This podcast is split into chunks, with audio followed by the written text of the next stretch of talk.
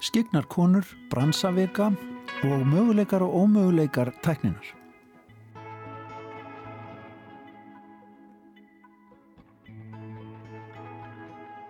Í viðsjá dagsins verður fjallaðum skignar konur á Íslandi á 20. öld og þann heim sem að þær sköpuðu sér með störfum sínum.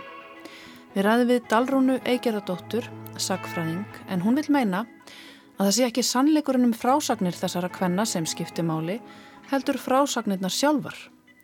Skignukonurnar hafi verið miklar listakonur, jafnvel síni, sem miðluðu veröld sinni á ekspressionískan hátt. Meira um það hér á eftir. Já, þetta er spennandi. Sigtryggur Baldursson, framkvæmdastjóri úttón, útflutningsmiðstöðar íslenskrar tónlistar verður gestur við sjár í dag og ræðir bransaviku sem miðstöðin býður til nú í næstu viku.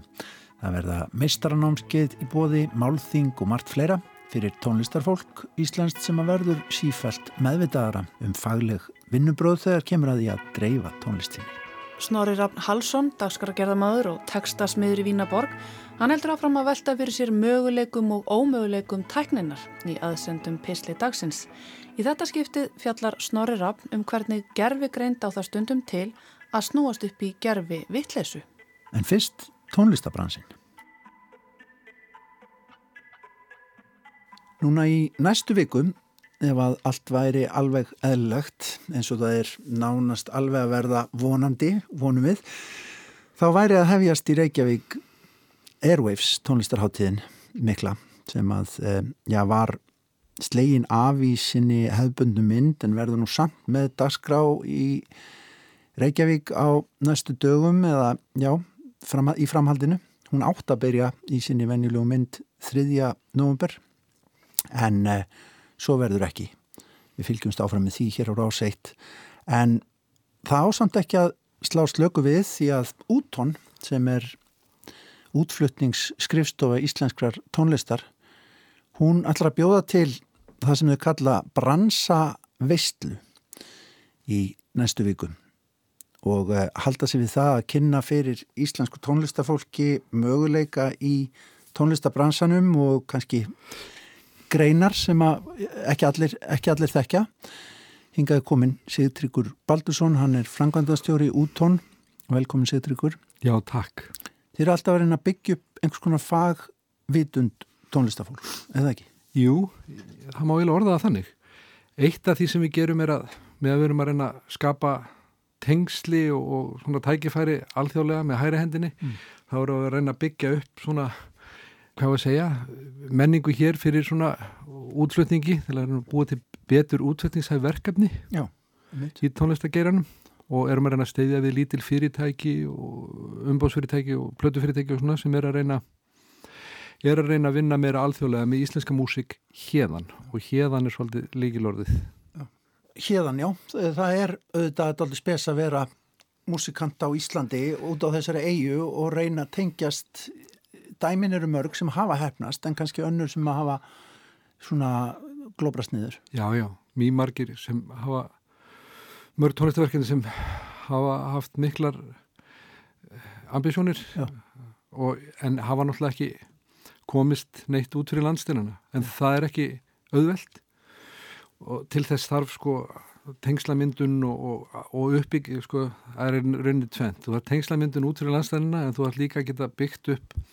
fyrirtæki hér á Íslandi sem eru að vinna Já. með íslenska músik út fyrir landstæðina og við erum svona að stuðla þessu kortvekja og þessi dagskrá í næstu viku er svolítið fókuseruð á svona fræðslu og uppbyngu í geranum þá verum að bjóða upp á masterklassa og fyrirlestra og alls konar svoleiðis frá fólki sem eh, kemur á utan og það byrjar svolítið með þessari uh, hérna, þessu málþingi um kvingundatónlist mm -hmm sem er á þriðdeginum annan Einmitt. og síðan er trekk í trekk viðburðir eftir það sem við eru reyndar að vinna með mörgum samstagsæðalum, bæði Reykjavík tónlistaborg og Íslandsstofu sem er að hjálpa okkur með, með ferðir og annað uh -huh. um, og já og, og síðan eru við sko það er svona farið aðeins meira á dýftina eftir því sem líður á vikuna -huh. og við erum líka að gera viðburði sem er ekki Eh, opnir almenningi eins og við, við erum náttúrulega að fá til landsins slatt af, af fólki frá útlöndum byrjar í rauninni á þessar kvikmynda málþinginu kvikmyndatónlist og þar verða nokkrir erlendir aðilar sem koma og eru með erindi eru með viðtöl það vekur aðtegli að Hildur Guðnadóttir eh, ákvaða semja, eh, semja tónlisti tölvuleik sem sitt verk, fyrsta verkefni eftir að hafa Einmitt. unnið Óskarinn Akkurat. Og hún verður þarna með ykkur? Já, já hún verður sko í fjárvít Já. en maðurinn sem vinnur fjekkana sem satt í þetta verkefni Já. er tónlistastjóri hjá stóru töluleikafyrirtæki sem heitir Electronic Arts og hann kemur hingað til lands og verður á rástefninu og, og ætlar að gera viðtal við hana Já. þaðan um þetta verkefni þeirra Já. Og svo verðum við með fyrirlestra um, eh, og masterclass um allt frá sko það er svolítið fókus þessa vikuna ánáttúrulega kvikmyndatónlistina sem er að, að reyðja sér æmeri til rúms og fleiri höfundar hér á landi sem er að ná máli í þeim geira. Og við erum svolítið að fagna því og verðum með fyrirlestra um uh, hluti eins og samstörf uh, tónskálda og framleiðanda Ja. við verðum með uh, masterklassa í, í því sem kallast Music Supervision Það er Sem er- samninga gerð, einhvers konar. síðan verðum við með masterklass um samningagerð Já. Já. í tónlistageranum Er það sikkort? Ha. Hvað er music su- su- supervision? Music, Music Supervision er uh, í rauninni uh, nýtt fag sem er, já ekki nýtt, það er alveg 15-20 ára gamalt, sko, ellendis en þetta er aðeins að byrja hérna og þetta er fólk sem sér bara bókstala um tónlist fyrir framleiðslu á myndefni. Já. Það, íslenski kvikmyndagerin eins og við vitum líka er í mikl, miklum vexti. Og við erum að reyna að leggja svolítið áherslu gagvart kvikmyndagerinum hérna og okkur öllum að, að tónlist skipti miklu máli í kvikmyndum og samvinna þarf að vera góð þarna á milli. Pluss það, einmitt, music supervision er rauninni þetta tiltöla nýja fag þar sem að fólk vinnur inn í, í þessu gráa svæði millir tónlistageirans og, og kvikmyndageirans og í rauninni hefur það hlutverk að s- velja tónlist í kvikmyndir og semja um það Mhm. það verður hérna mjög stór eða þekktur music supervisor sem heitir Thomas Golubit sem hefur komið áður Mhm. og ætlar að vera með masterclass og, hérna, og fyrirlestra En, en, en varðandi þessa hluti eins og, eins og þú nefnir eins og til dæmis með samningagerð og annað slíkt þegar það er verið að kaupa tónlist sem er til, segjum bara, Já. inn í, inn í kvikmyndir. Já.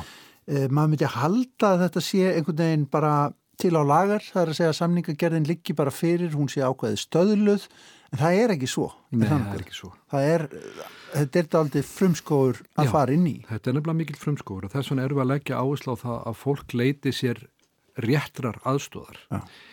Ekki bara fyrir kaup á tónlisti kvikmyndir, heldur við líka með fimm publishera frá útlöndum Mhm. að því publishing er eh, skemmtilega skrítin eh, bransi sem er lítið þekktur hér en tengist svolítið okkur að þessari umræðu Mm. um tónlist og, og kvikmyndir vegna þess að publisher er í rauninni engareikin e, fyrirtæki sem starfa á vegum hugverkaréttar gera samninga við höfunda og ég meina flestir a, flest öll íslensk hérna, tónlistaverkefni sem eru þekkt á alþjóðavettvangi eru með publishing samninga Já. á alþjóðavettvangi. En það sem publisher er að gera í rauninni umfram það sem bara höfundaréttar félögin gera í hverju landi Já. eins og stef gerir hér það vissulega sapnar saman réttindum sko, heldur utan um réttindi höfunda sem eru skráði hjá stef á alþjóðavettvangi. En publishing fyrirtæki eiga að gera í flestum tilvíkum gera meira en það. Já, þau gerast á samning við höfunda stundum borgaði eitthvað fyrirsvangreislu stundum ekki en þau sjáum að koma þeirri tónlist sem þau gera samninga við Já. í frekari nótkun Þetta er eiginlega eins og byrtingahúst aldrei í auðlýsingabransan. nákvæmlega Já, einmitt.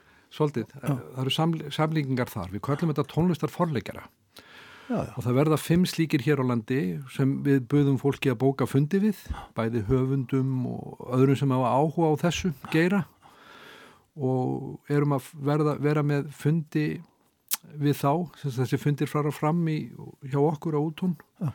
og flestir þessir masterklassar og fundir fara fram annarkvort á útún eða í stefi Já.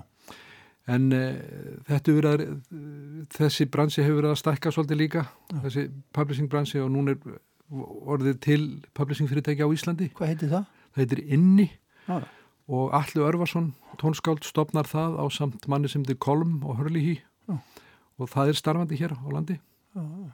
Og hérna við erum svona svolítið að reyna að fylgja þessum nýjustu reyfingum í, í geranum núna Já. og reyna að, að bjóða fólki til landsin sem hjálpar okkur að skilja þetta betur og opnar á tækifæri líka fyrir höfunda. Nú ert þú búin að fylgjast með þessu í þó nokkur ár og, og verið í svona þessu, já, kannski bara stafni með úttón með þetta, eða byggja upp svona fagvitund já. íslenska. Já. Hvernig, ég menna það hlýtur að hafa þeir lítur að hafa orðið á orðið, nei, hvað er það? Ágengt. Ágengt eitthvað. Já. Jú, það er nú gaman að segja frá því.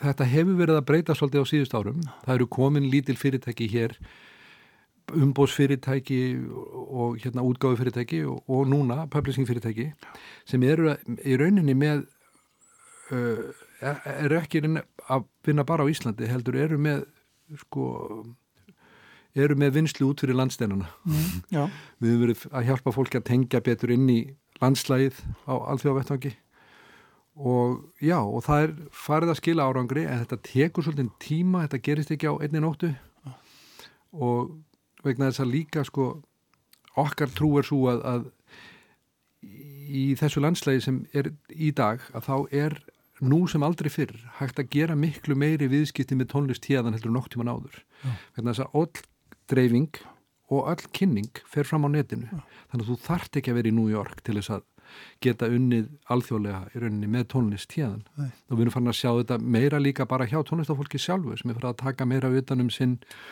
sína tónlist og sín viðskipti sjálf sko. Jáðarinn er orðin miðja. Já, það er eitt af því sem Já, það er auðvildara fyrir alls konar tónlist í dag að finna sér uh, finna sína áherendur alþjóðlega. Einmitt forvetnilega þessi meistarnámskeið sem ég reyku í hérna á, á úttón.is uh, eh, meistarnámskeið í tónlistarvali til dæmis fyrir kvikmyndir og sjónvastætti með manni sem heitir Tómas Kolubitsch uh, Þetta er nú eitthvað sem að, hérna, þarf stundum að vanda, vanda til verka með að, að velja rétt inn, í, inn á myndirnar. Já, já, það sem nefnilega vill oft gerast hérna á Íslandi og hefur verið, hefur verið svona lenska mm. er að þetta mæti stundum ágangi að því að kvikmyndaframlegendur hér eru ekki að vinna með stór budget eins og maður segir. Nei. og þetta oft vil mæta ágangi, það er svona leikstjórin sem ákveðu hvað tónlistan vil fá hér eða hvar. Gerir sent í ferlinu. Já, gerir stífilegt sent í ferlinu, en þetta er farið að breytast. Já. þetta er að breytast sko. Við erum að reyna svona að fylgja því. Þetta er að, er að vakna áhugi um þetta. Mm -hmm. og þetta er að breytast. Að því á síðust árum hefur bara orðið ljósara og ljósara hvað tónlist skiptir miklu máli í framlegslu á myndefni, bæði sjónastáttum, kvikmyndum og núna tölvuleikum ja. og það er gífulegi möguleikar í þessu og við erum bara að reyna að, að hérna greiða þessa leið frekar fyrir báða aðila, bæði tónlistafólkið og fólkið í kvikmyndaframlegstunni. Já. Nú hérna höfum við stundum fengið fréttir af því að lag eftir hinn og þennan hafi verið notað í þessu, þessu samhengi í sjónvastattum eða bíomundum. Já. Eh, við erum kannski bara pínliti hægt að heyra þessar fréttir vegna þess að þetta er bara eitthvað sem gerist og, og þykir ekki fréttnæmt. Þetta er bara norm.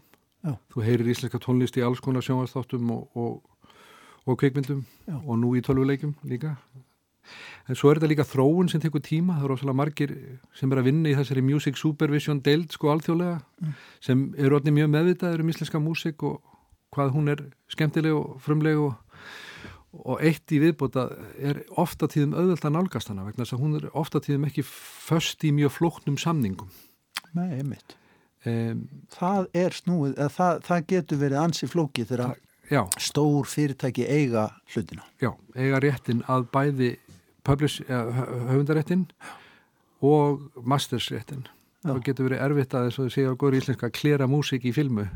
Klera músik í filmu? Fá hann að samþitta fá hann að samþitta og ná samningum um hana. Já En er ekki tætt á því að þetta verði alltaf flókið í okkur líka? Er þetta ekki það sem þú vart að gera með þessu brannstala öllu? Að fólk fari meiri samningagerð og, og skrifi fleiri pappir um, um íslenska músik og nótkun hennar? Að einhverju leiti? Jú, en ef, það, ef að íslenskir sko, tónlistarframleðendunir og, og höfundarnir skilja betur þennan bransa, að þá þurfa það ekki að flækast í alls konar skrítnum netum og geta betur rutt sér sína braut. Já maður þarf að halda aðeins réttinum hjá sér, ekki satt það er Jú, að ég- selja ekki frá sér allan, allan rétt Nei, nei. öllu, sem, öllu sínum hugverkum Nei, og eina af ástafanir fyrir að við erum að bjóða fimm publisherum hérna til lands til þess að eiga fundi við fólk er líka til að reyna að skilja betur hvernig þetta virkar. Já. Ekki bara að reyna að selja katalógin sinn einhvernum publisher út í heimi fyrir slik, heldur að skilja hvað það gengur út á.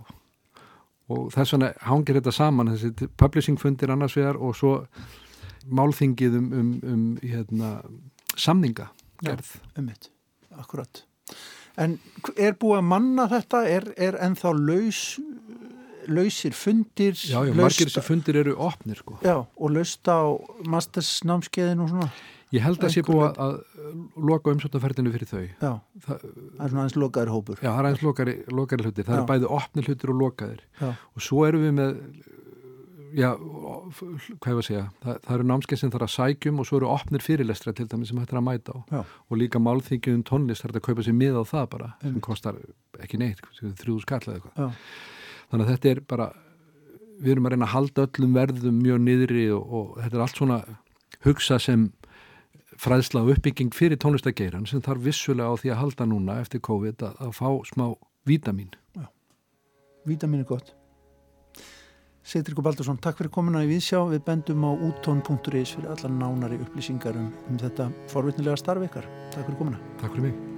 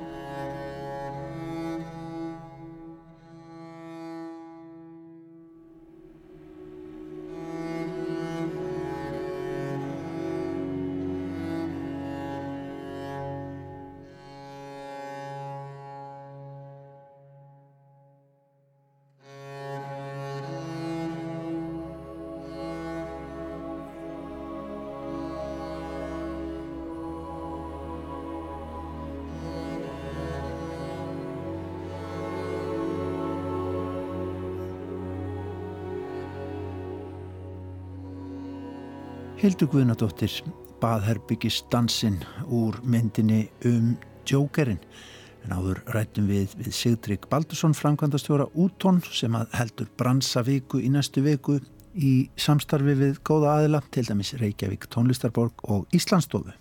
En þá er komið að pislahöfundi dagsins, Snorri Rafn Halsson. Hann heldur áfram að velta fyrir sér möguleikum og ómöguleikum tækninar.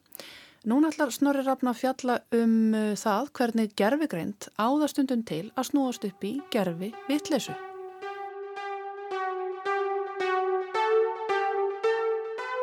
Mæ 2009.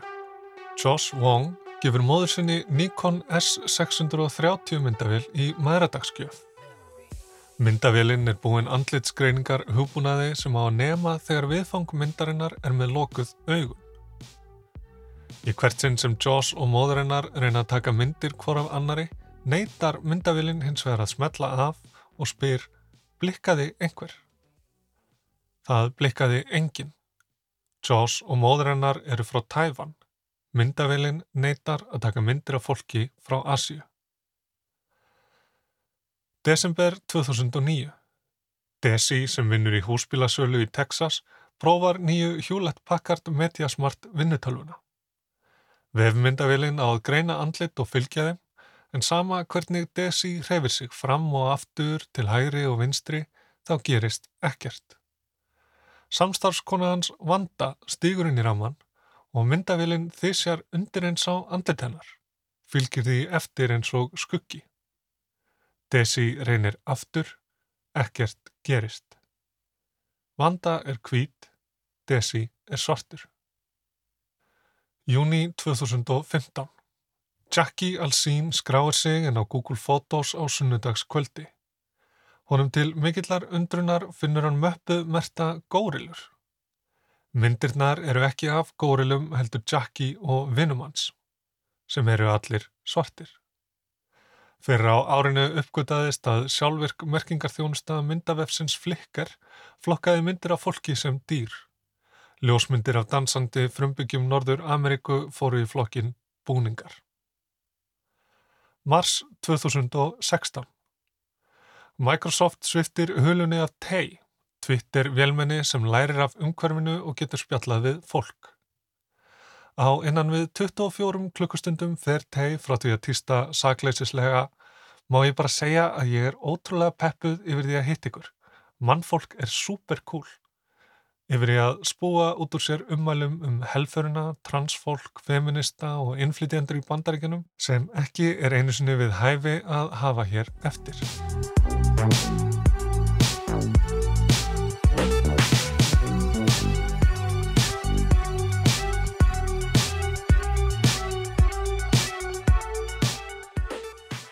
Þetta eru aðeins örfádæmi af mýmörgum um hvernig nótkunn gerfigreindar og sjálfvirkra algoritma getur farið úrskeiðis.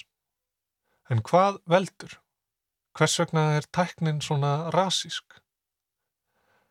Fyrirtækin hafa alla jafna verið fljót að breyðast við þessum mistökum með því að láta af nótkunn tiltekina flokka, rýtskoða vélarnar og benda á að gerfigreind sé alls ekki fullkominn. Þetta eru vakstarverkir Tæknin er enn á þróunarstígi og það er eðlilegt að henni verði á endrum og sinnum. Kanski er það jafnvel bara merkjum hver vel hefur tekist til að líka eftir manninum. Ekki bara gerfi greind, heldur líka gerfi fáfræði, gerfi vittlesa, gerfi fordómar. Allt frá því að fyrsta gerfitauganetið leitt dagsins ljós árið 1958 hafa miklar vonir verið bundnar við gerfigreind. Ætlunin var að líka eftir starfsemi mannsheilans sem samanstendur af 20 miljardar taugafrumum og hátti 100 biljón tengingum á milliðra. Hugmyndin var svo að greint sé eitthvað sem sprettur upp af þessum tengingum. Að vegna þess að frumundnar í heilanum geta tekið á móti og sendt merki með margvíslegum hætti, þá séum við færum að skinja, hugsa, tjá okkur og búa yfir sjálfsvitund. Með því að búa til þessar tengingar þá búum við til gerfigreindina um leið. Fyrsta gerfitauganetið bar nafnið Perceptron. Perceptron var einföld tölva sem samanstóð af 400 ljósnemum sem voru tengtir af handahófi við rofa sem gáttu breytt viðbröðum sínum í hvert sinn sem vélinn var kerð. Perceptron lærði að greina minnstur með því að eiga við tengingarnar á milli ljósnemana og rofana gera smávægilegar breytingar þar til rétt útkoma fjækst í sem flestum tilfellum. Einn daginn sögðu spámen sjötta áratugurins muni tölfur geta þekkt fólk, talað og skilið ótal tungumál, skrifað, séð og jafnvel verið meðvitaðar um eigin tilvist. Hljómar kunnuglega. Perceptron er grundvöldur gerfugreindar í dag gerfugreindar sem býr þó yfir ennflóknari tauganetum og reknireglum. Og ekki eru vonirnar og spátumarnir minni. Sergey Brin, annar stopnenda Google, hefur haldið í ofnbarlega fram að vættum eiginlega að gera ráð fyrir því að einn daginn verður við færum að skapa vélar sem geta hugsað, reknað og gert hluti betur en við. Og hann er ekki einnum þessa skoðun. Útbreysla gerfugreindar talar sínu máli. Ég þarf ekki að fara að mörgum orðum um það hvernig gerfigreindin hefur nú þegar hafið innráð sína inn í okkar daglega líf, nýja að vægi hennar sé ekkert að fara að minga. Ef eitthvað er þá mun hún hasla sér völl á sífælt fleiri sviðum veruleikans, taka enn fleiri ákvarðanir fyrir okkur. Og þá þurfum við betri svör en að þetta séu byrjandamistök, betri viðbröð en handgerða plástra sem settir eru á eftir á þegar skaðin er skeður.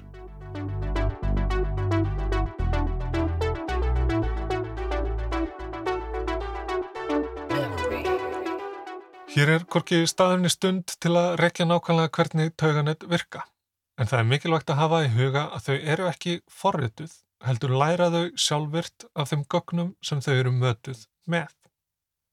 Það var enginn sem sagði Google Photos að flokka svart fólk með mannöpum enginn sem let teg vera rasista og gýðingahattara.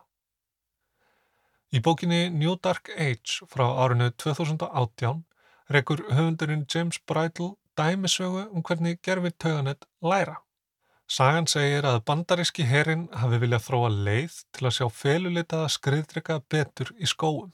Aðferðin sem var prófuð var að þjálfa tauganett til þessa verkefnis. Heil deild af hermunum var sendt út að fela fullt af skriðdrykkum í skóginum og taka myndir. Svo voru skriðdrykkarnir fjarlæðir og fleiri myndir teknar. Tauganettið var þjálfað með því að sína því helmingin af myndunum úr korri tökunni. Tauganetið veit ekkert um tre eða hernaðarvélar, ljós eða skugga. Það veit bara að hér eru myndir með einhverju mikilvægu á og aðrar myndir sem sína ekkert merkilegt. Smám saman læri það svo að greina þarna á milli, stillir tengingarnar af og skilar réttri niðurstöðu. Til að prófa aðferðina síndu þeir tauganetinu svo þær myndir sem það hafði aldrei séð áður og það virkaði fullkomlega í hvert einasta skipti. Alveg þanga til að tauganötið var prófað á ljósmyndum sem ekki voru teknar þennan tiltekna dag. Því þá reyndist það engu betra en handahófskent gisk. Herrin hafði nefnilega tekið myndirnar af skriðdrykunum földum í skóginum að morni til, undir hefbláum himni. En þegar búið var að fjarlæga skriðdrykana hafði skíjað. Tauganetið svinn virkaði en það hafði ekki lært að greina veru eða fjárveru skriðdrega heldur hvort sólinn skein eða ekki.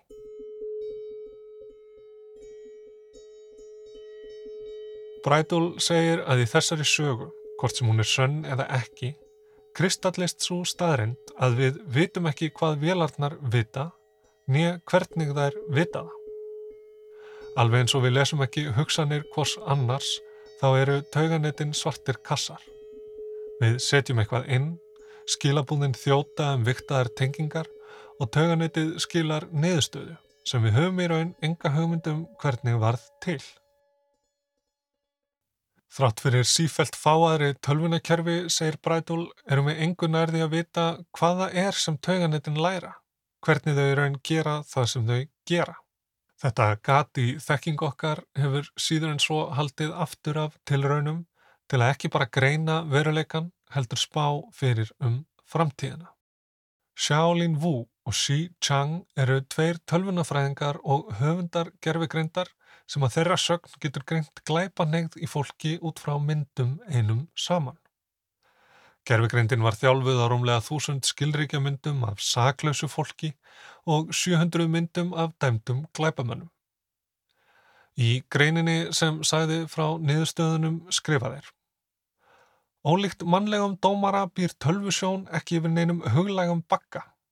Hefur engar tilfinningar, enga hlutrækni byggða á fyrri reynslu, kynþáttum, trú, stjórnmálaskoðunum, kyni, aldri og svo framvegs. Enga andlega þreitu, enga fórskilirðingu vegna slæms, sveps eða máltíðar. Sjálfvirk álíktunum glæpanhegð útilokar þannig breytuna um færni og hæfileika mannlegs dómara. Með öðrum orðum þá er það ríkjandi viðhorf að gerfigreind sé ekki bara hlutlaus, heldur jáfnvel betri dómari en við mannfólkið. Hún sér það sem við sjáum ekki og þjáast ekki af sömu göllum, hlutrækni og hugsana skekkjum sem við ósó mannlegu mannskeppnurnar þurfum að glýma við. Gerfigreind er orðin að nokkurs konar galdri, eitthvað sem við vitum að virkar innan gæsalappa þó við þekkjum ekki gangverk þess.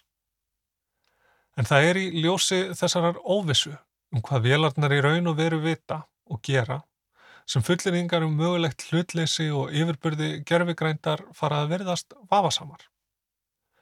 Það er minna á höfuðlagsfræði 19. aldar sem reyndust algjört humbúk og gerfivísindi byggð á fordómum og kenningar um frumstæða glæpanhegð sem merkja má í svipmóti fólks hafa löngu verið hraktar. Hvers vegna ættum við skindilega að leggja tröst okkar á nútíma spátumskúlu sem getur ekki útskýrt sig, fært rauk fyrir máli sínu, gert grein fyrir hugsanagangi sínum.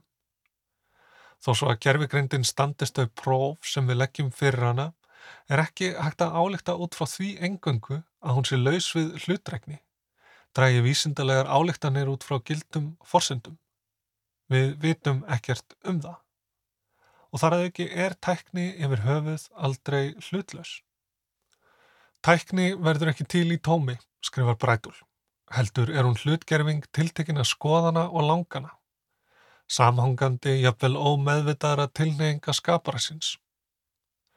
Á hverjum tímapunkti er hún sett saman úr verkværikistu hugmynda og hugar óra sem hafa byggst upp í gegnum tíðina. Í gegnum þróun og menningu, uppbeldi og rökræður flækjast þær saman í sífellu og nóðast í eina heilt. Gerfegreind er ekki bara galdur, heldur eins og barn. Og þar er svarið að finna við spurningunni um hvernig tæknin verður rasísk. Það læra tauganettin sem fyrir þeim er haft og eins og staðan er eigum við bara til gögnur fortíðinni til að fæða tauganettin. Fortíð sem er uppfull af fordómum, gerfivísundum, úreldum, hugmyndum. Fortíð sem við þurfum að leggja okkur fram við að aflæra í stað þess að dæla inn í hugsunarleysi inn í algoritmana og tauganettin sem hafa engar forsendur til að greina rétt frá röngu. Þetta er fortíð sem við þurfum að vinda ofan af í stað þess að flytja í heilu lægi inn í gerfigreindinnar og kerfin sem eiga að móta framtíðina. Ef við gerum það ekki, þá mun ekkert nýtt gerast. Framtíðin verður sama gamla fortíðin með sínar úreldu hugmyndir og uppfull af gerfi fáfræði, gerfi vittlesu, gerfi og raunverulegum fordómum. Saði Snorri Rapp Hallsson, dagskargerðamæður og textasmiður í Vínaborg. Það verður aftur með okkur hér að viku liðinni í Víðsjá. Dalrún Eigerðardóttir byrst á dögunum áhugaverðagrein í Hugrás, vefriti Hugvísindadeildar Háskóla Íslands. Dalrún er doktorsnemi í sagfræði við háskólan og fjallar greinin um skegnar konur á Íslandi. Dalrún segir í ingangi greinarinnar markmið sitt með skrifunum ekki vera að setja fram tæmandi lista yfir þar konur sem að stunduði miðilstörf, heldur fyrst og fremst að vekja aðtikla á þessu merkilegu konum. Konum sem að hún kallar síðar í greininni listakonur sem að unnu á ekspressjónískan hátt. Verður velkomin í viðsjá Dalrún.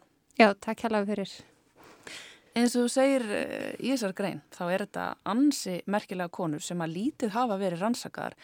Eh, þessar konur sem að, já, hvaðust sjá meira en aðrir yfir í aðra heima. Uh, Kanski fyrst, hvað, hvað leytið þið að þessu efni? Hvað kveikti áhugaðin á þessum konum? Um, það er sem sagt uh, í greinminni þá er ég að um, fjalla um skegnarkonur sem stunduði eins og segir miðilstörf á uppgangstíma andatrúar, spiritisma á Íslandi á 20-stöldinni uh, og ég sé sko, ég uppkvita svona fyrsta skegnakonan að segja má sem ég uppkvita er Margrét frá Öksnafelli þegar ég las bókina Skegnakonan, fyrsta bindi sem ég kefti á forbókarsölu En ég sé það að eh, hér eru á ferðinni, skikna, það er að segja skegnakonur, hér eru á ferðinni alveg einstaklega áhugaverður hópur í þjóðfélagi 20. aldar. Hér eru á ferðinni konur sem að uh, voru tilhyrði yfirleitt læri eða læri miðstjætt, uh, voru oftast ómentaðar, þetta voru húsmaður, verkakonur sem enga síður höfðu ákveðin völd í samfélaginu og sterka ímynd. Já, akkurat. Þú kemur einmitt inn að það í þessar grein hvað þessar konur einmitt hafa þarna einhver völd sem að aðra konur í þessari sömu stjætt og stöðu höfðu ekki og, eh, og einmitt til heilu bókaflokkarnir. Hérna áður þar vorum að byrja að spjalla áður um við kveiktum á mikrofónu þá kallaður þig bókakönnuð. Mér var það svo fallegt orð taland um það, þessar bækur þær eru um skingt fólk og sérstaklega mikið konur, eru til maður, maður reksundum á þeirri sumabústöðum eða einhverju svona skrítnum stöðum þær eru svona, voru mikil smetnar kannski hér áður fyrir en núna er þetta orðið svona kannski kallaðum þetta sem hálfgerð rösslbókmettir eða hvað Já, þetta kemur í dag sannlega fyrir sjónir akkurat en uh, sem svona annarsflokks bókmentir mm -hmm. og, en, og sem akkurat má finna viða í sumabústöðum eða forbókarsölum eða, eða á hillum eða í hillum sem sagt oft í almanarímum sem stendur á gefins. Þannig að en, en þegar betur er að gáð þá, þá eru hér á ferðinni stórmerkilega bókmentir Og vissulega eins og ég sagði áðan þá uppliðið ég mig sem bókakönnuð sem líkt á landkönnuðurnir ég þarna sé ákveði nýjan heim sem ég hef þá löngun til að kortleggja. Mm -hmm. og það er ekki oft sem að, að, að slíkir heimar verða á vegimanns og það sem ég sé er að, jú, þarna eru stórmerkjular konur á ferð. Og þrátt fyrir þessa félagslega stöðu sína þá höfðu þær þessi völd í samfélaginu. Og þetta voru konur sem voru að, eh, sem sagt, urðu frægar, jú, ekki síst sögum þess að þessi bókmyndahefð sem sagt þróast í kringum skigna íslettinga, þá fyrst og fremst fyrir tilstöðlan átrúenda þeirra eh, sem skrifið um líf þeirra og dölsýnir og var í blóma á 7. til 9. áratugurins. Og eins og kemur fram í þessum bókmyndum þá voru skignarkonur í gegnum miðilstörf sín að skipta sér af ymsum þjóðþrjá málum. Þar voru að skipta sér á pólitíkíslitinga, trúarmálum, á ofinbörum vettvangi. Þar voru að skipta sér á hilsufarsmáli íslitinga, svo sem í gegnum huglætningar eða andlega lækningar. Þannig að þetta er stór merkilegt að sjá að þarna sprettur fram atvinnustjætt, að, að þarna séu konur á þessum trúarlega atvinnuvettvangi, jafn við er körlum. Mm -hmm og þannig að þar, ég tala um þar í rauninni sem svona endurborna völvustjætt uh, því að þarna uh, kemur ákveðin hvenna starfstjætt fram þar sem konur hafa rými, tjáningarými á ofinbera vettvagnum og vægi, hvort sem fólk trúðum eður ei, mm -hmm. þá ljómiður rættið þeirra á ofinbera söðinu. Mm -hmm sem er mjög áhugavert og hvort sem það var í, í þjættsetnum herbergjum, fundarsölum, í viðtalsgreinum eða þessum bókmyndum sem ég nefndi á þann og þá tjáðu konur sig og þar höfðu rými til að skapa og ekki síst afla sér tekna með þessum hugverkum sínum mm -hmm. með því að skapa handan heima fyrir almenning. Og ég, svona, það má akkurat færa svona rauk fyrir því akkurat frá því að sem sagt völverna voru í fornöld og, og voru þar svolítið alls ráðandi og já svo detta áhrif þeirra niður en koma í raun aftur upp eins og leysir í greininni þarna á þessum tíma þegar spiritismin fer að vaksa hérna í borginni. Já, vissulega og hann kemur hérna fram í, á öndverðri 2000 og þarna í millitíðinni þá vissulega eru sko einstaklingar sem byggur verið lardrið þekkingu á að skiknast inn í aðra heima, svo mhm. sem með því að lesa í botla, skiknast í drauma, það voru alltaf til næmir íslettingar, einslettingar sem eigðu hérna framleiðina, þannig að framleiðinu. En þarna skapast starfstjætt einstaklingar sem aflega sér reynilega tekna með mm -hmm. því að skiknast inn í aðra heima mm -hmm. og ég skoða byttunum við ákveður skapast þetta tjáningaræmi fyrir konur á þessum tíma? Og hvað er það sem þá enginn er spiritismann að hann gefur konum færi til slíkara tjáningar?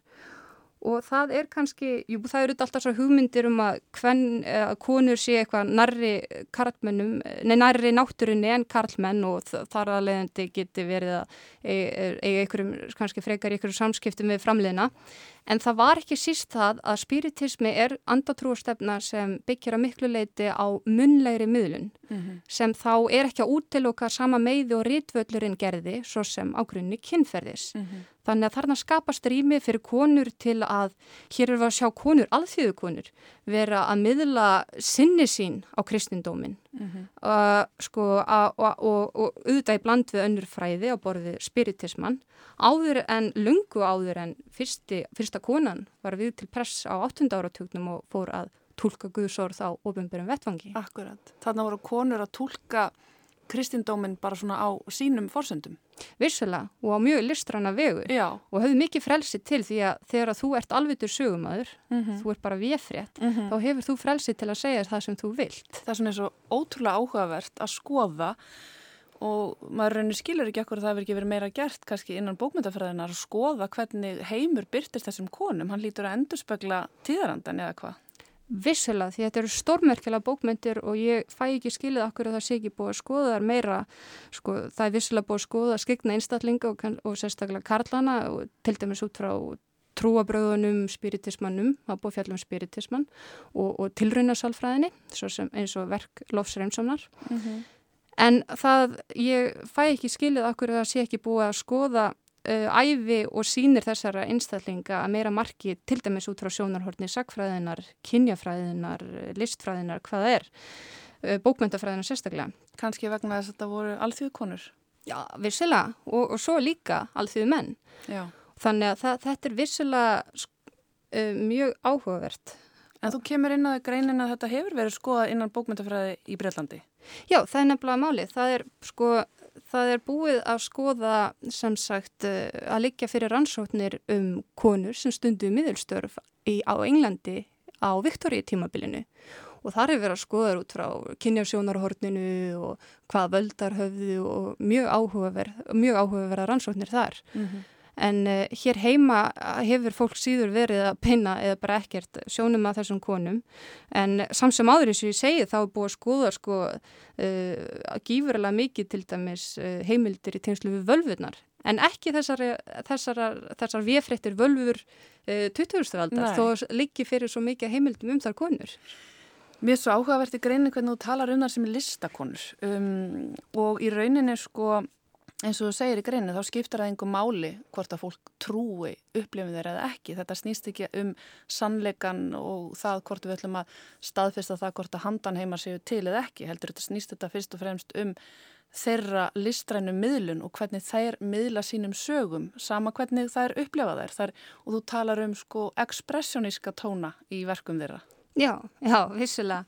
Því það er, það er nefnilega held að máli. Þetta hefur verið að þvæla svolítið fyrir okkur að, að þetta skyggir á þeirra verk. Það að það öll er umfjöldlun um skyggna íslitinga, hún snýst alltaf um það hvert sannleg skildi dullsagna þeirra sé eða framkomi. Mm -hmm. Og það skyggnir á verkin og æfi þessar einstaklinga þessi umfjöldunum alltaf var hann eða hún að segja satt eða ljúa, færi stílinn. Þetta skiptir akkurat engu máli og þetta er auðvitað aldrei til umfjöldunar almennt. Þegar að vera að fjallum sköpunaverk þá er ekki verið mikið að velta fyrir sér hver er ásetningu listamannsins og þar að leiðandi er þá verkans er þetta hér um að ræða sönn listaverk eður ei. Þannig að listaverk skikra ísletinga voru jafn sönn og önnur verk. og ég tala um þær akkurat eins og segir sem listakonur og þetta voru launaða listakonur notabenni sem sáu sér farborða með því að miðla sínum hugverkum og handan heimum. Og hér eh, ef við skoðum þá sem sagt eh, dullsagnir og framkomið miðla út frá þessu sjónarhörni þá er þetta að komast að svo miklu það er þetta að greina því að jú vissulega stutust þessi einstaklingar að mjög miklu leiti við áhrif spiritismans í frásagnum sínum sem eru svona austurlensk og evangelisk áhrif frásagnablaðbreyði En þarna voru þau líka út af því þú hefur þetta frelsi þegar þú ætti að skapa nýja heima og þá getur þú sótt áhrif þín víður og þetta verður svona ekspressjónísku verk. Það, það koma fyrir áhrif vísindarskálskapurinn sem grundvallast á sköpin er að heima sem þessar einstaklingar voru að gera í gríðverk. Hrollvekjan kemur víða við sögu og, og, og ekki síst íslensku, íslenski sagnaheimurinn og þess vættir. Þannig að, og svo er svo áhugart að sjá hvað þar voru reynilega ekspressjóniskar í tjáningu, þar voru að miðla tilfinningum, andrumslofti, litum, skapa heimi út frá litum og þannig að þetta eru eins og ég tala svolítið um, þetta voru svona ekspressjóniska listakonur. Mm -hmm, mm -hmm. Það eru reynið hægt að líta á þetta sem hálgjörða gjörninga þessar samkomur. Virkilega, virsilega.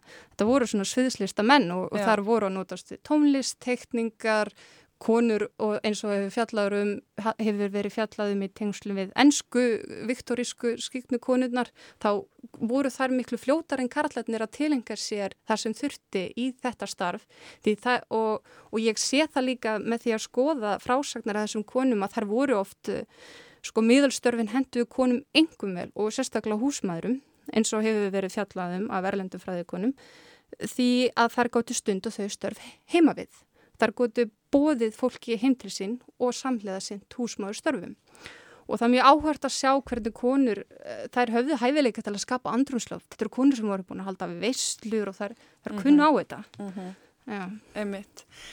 Og svo voru þær, en hvernig var lítið á þeirri samfélaginu? Ef við tölum um þessa sviðslista konur, ef við tölum um lári miðil sem er nú bara eitt sæktasti miðil síðustu aldar hún var nú tekind aldrei fyrir af því að það komi ljós að hún var að nota leikmunni í sínum, sínum aðtöfnum, ekki satt? Jú, hún var reynilega fangilsið og, og svo vistu á kleppi. En það er nefnilega þetta hefði verið í sambarlegt og hefði verið að, að fangilsa töframann fyrir að styðjast þau muni í, í sinni, sinni sköpun en eh, sko það er nú akkurat annar punktur, Lára hún er mjög áhugaverð því að í greininni þá bein ég sérstaklega mikið sjónum að Margréti frá Öksnafelli. Hún var uh, svona einn þekktasta skegnakonan á Íslandi og hefur svona, er að ákveðin stöðlu skikkona þess tíma, hún er svona leiðandi í þessari stjætt og hún hefur, var svona fjallkona síns tíma og hún hefur þessa ímynd sem enkendi skiknakonur á þessum tíma og um leið sjálfsmyndera, þetta var ímynd sem þar sjálfar gerðu út á, að vera eins konar heilagar húsmæður sem syndu þá svona þjóðfélagsþagnum í takt við svona það forfúsu húsmáðurina. Svona hálgeri dýrlingar. Hálgeri algjörlega og, og ég að tala svolítið um þessar frásagnar að þessum einstællingum sem dýrlingasagnir og það er að þarna eru ímyndir dýrlingsins að koma við sögu, ímynd húsmáðurinnir sem er að uh, fræða þjóðunum handan heima, undirbúa hana uh, andlega undir brottflutning döðans og þar þurfa ofta fórna einn tíma, einn fjölskyldilífi til þess að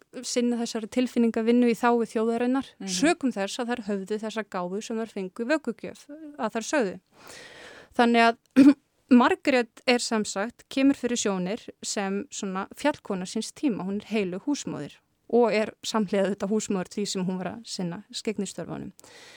Lára hins vegar, hún er á öndverðu meiði við skegnar konur á þessum tíma því það þarf að gæta því að þótt að ég sé að tala um þær sem listakonur það er langt frá því að þær gáfi frá af sér ykkur ímynd af því að vera listakonur eða það samfélagi hefur séð þar sem listakonur, mm -hmm. það er fjarilagi mm -hmm. en Lára aftur á móti gerir það sem sko þú mátt á, það er ákveðna reglu hvað þú mátt og mátt ekki gera hún stýður ekki inn í þetta heila hlutverk Nei, hún gerir það ekki vissuleiti, bæði hvað var að lífstil. Hún og Margrét, jú, það deila svipum sama starfsferðli en bakgrunnur þeirra er ólíkur. Uh, Lára á í erfiðum ástarsamböndum, uh, hún upplifir erfiðleika, er á hrakólum, uh, er á tímabili einstað með börn sín og átt, bara átti erfitt. Og, en hún... En á sama tíma því hún er svo mikil sagnakonu þá kemur líf hennar fyrir sjónir sem listaverk því hún segir svo fallega frá. En hún kemur fyrir sjón, hún verður sem sagt uppvís að því sem var talað um sveik því hún var að stöðjast við leikmennu og leikara í, í, í, á miðilsfundum og þá í kjölfarið ver, fær hún á sig svona ímynd eitthvað svona norð sem svíkur þjóðina. Mm -hmm. Hún er mhm. ekki einn heila húsmaður mm -hmm. en hinnar þar voru öryggar í sínum sessi því þar miðluðu alltaf með orðum og það er miklu erfiðara að ætla að ráðast gegn slíku sköpunarverki. Mm -hmm. Akkurat. Við höfum aðeins talað um það hvernig samfélagi leita á svo konur en hvernig lítu þær á sig sjálfar? Já, það er eins og ég segi sko það sem kemur fram í bókmyndunum er að þær líta á sig sem þessar heilugu húsmæður mm -hmm. og gera mikið út á það og, og það er langt til frá að þær sé að tala um sig sem einhverja valdhafa. Það er ekki. Þær tala yfirlegt um að þær sé á valdi yllra eða góðra anda á fundum, almenningur sækir að þeim eftir þjónustu þeirra þær er að forna sér fyrir þjóðina, fyrir fjölskyldu sína eh, en eh, Á sama tíma sér maður líka að er eiga sundum í erfileikum að samþætta hlutverk sitt sem skekk kona og kannski sem húsmáður mm -hmm. því að eh, ólið því sem kannski karlandi þurft að gera. Akkurat. Mér langar mynd bara svona östuðt kannski að spyrja líka út í það að þú beinir hérna sjónuðinum á konum en hver er svona, svona munurinn á skiknum konum og skiknum karlum að þessu liti? Já, það var eh, akkurat eins og ég kom inn á núna að tegnslu við það kannski að þær þurftu að hafa hjapel meira fyrir því að geta sinn þessar, þessum störfum mm -hmm. því það er þurft að sinna oft húsmöðustörfum samlega mm -hmm. og þetta er skemmtilega lýsingar okkur í bók, eh, bókinum en að Margreði þar sem hún er að lýsa því hvernig hún reynir að tækla vinnudaginn með því að hún er að matreiða fyrir fjölskyldun og taka móti gestum sko rosalum fjölda fólks og bara stopnar móttökustofu heima hjá sér Akkurat fyrir ekki að hérna ég verð bara að nefna það að hérna í þú tekur hérna brotur viðtali við hana upp úr bókinennar og það er talað um að takja móti hátt í 40 manns á dag auk þess að sinna heimilinu. Já, það var þannig. Þetta er náttúrulega ótrúlegt. Alveg hörkustaf, hörku kona. Já. Og það er ekki margi listamenn sem undir standi þessu daglega getið settir. Þannig að er, þetta voru sko hörku konur og það er líka sko, og Karlandir þeir kannski akkurat nutu stuð, þeir tökum sem dæmi Einar Jónsson eins og ég ger í greininni, kona hans eh, Erla Ingilif, að minnir hún heiti, hún var bara syndi húsverkunum og svo var hún rítarinn hans. Mm -hmm. Þannig að þeir nutu svona meiri stuðnings. En það er ein, mjög mikilvæg punktur í þessu tengdu að hver er munurinn á, jú, konum og körlum í, sem í miðelstarfinu og líka okkur hlutu konur, fengu konur þessi völdi gegnum miðelstörfin og það þarf að gæta því að skignar konur þar fengu ákveð væja á ofinbjörnum vettfangi því þar voru að bregða sér í karlgerfi þar voru að taka á sig form karla á miðilsfundum mm -hmm. sem var mjög snjált hjá þeim. Mm -hmm. það, það er að segja að þetta er líka á tímum þar sem sko sko, á miðilsfundum þá voru, eru miðilarnir ofta segjast er vera að vera í forsvari fyrir það sem þeir tala um sem stjórnendur og þá kom miðilar fyrir kalkinstjórnendur hjá þessum konum og þetta voru ekki ykkur alþýðmenn, þetta voru ekki ykkur sjóara sem voru að tala í gegnum þær, þetta voru yfirlega fyrir menn, jafnvel sem voru eitt sinn uppi og, og mentamenn mm -hmm. og þetta gerði þær ennþá trúverðuri í, í frásöksinni út af því að á þessum tímu og sérstaklega karlar, þeir trúðu ekki því að konur byggja verið ykkur um fróðleika, þar gætu skilit torskilin efni, þannig að sjálfsögðu hlautið að vera döður karl sem var að miðla fróðleiknum, ekki gæti að vera kona. Hvað þá alþýðu kona, en það var mjög góð leikur hjá þeim, þannig að þetta kynja millistikki sem það er beita þessi -hmm. hamskipti á fundunum, líkil atrið var mm -hmm. það öðlast vald á fundunum neða í samfélaginu. Mm -hmm. Þetta er svo ótrúlega áhugavert efni, allar að halda áfram með þetta Það held ég nú ekki. Ég er sko, ég búin að skila mínu og gerði það líka þannig að, að ég vildi að þessi skrif allir getur nálgast þau. Þetta eru -hmm. merkilega konur og ég vil að saga þeirra sé aðgengileg og, og en uh, ég held að ég fara nú ekki frekar í þetta efni en ég hvet fólk til þess að rannsaka þetta frekar og hér er líka gott efni heimildamindir því að mér skilst að sé til ansið mikið af sigulböndum þar sem eru er upptökur af fundum og þetta er þetta merkjað efni í heimildamind. Þannig að, já. Kanski það sé bara næsta skrif hjá þér? Já, það er nú svo margt að gerast hjá mér. Já, hver veit. Dalrún Eigeradóttir Takk innilega fyrir að koma til okkar í Vísjá og svona lýsa þennan heim upp fyrir okkur og gangiði vel. Þú ert að skrifa dóttorsvíkjörð um ráðskonur í sveit, ekki sett? Jú, ég er akkurat, ég er búin sem sagt að klára þá reitgerð og hún er yfirlestri þannig að það ætti, það ætti bara alltaf stefna í næsta viðtal. Við heyrjum bara leða reitgerðin er komin. Virstulega. Já, takk fyrir komina. Kæra þakkir.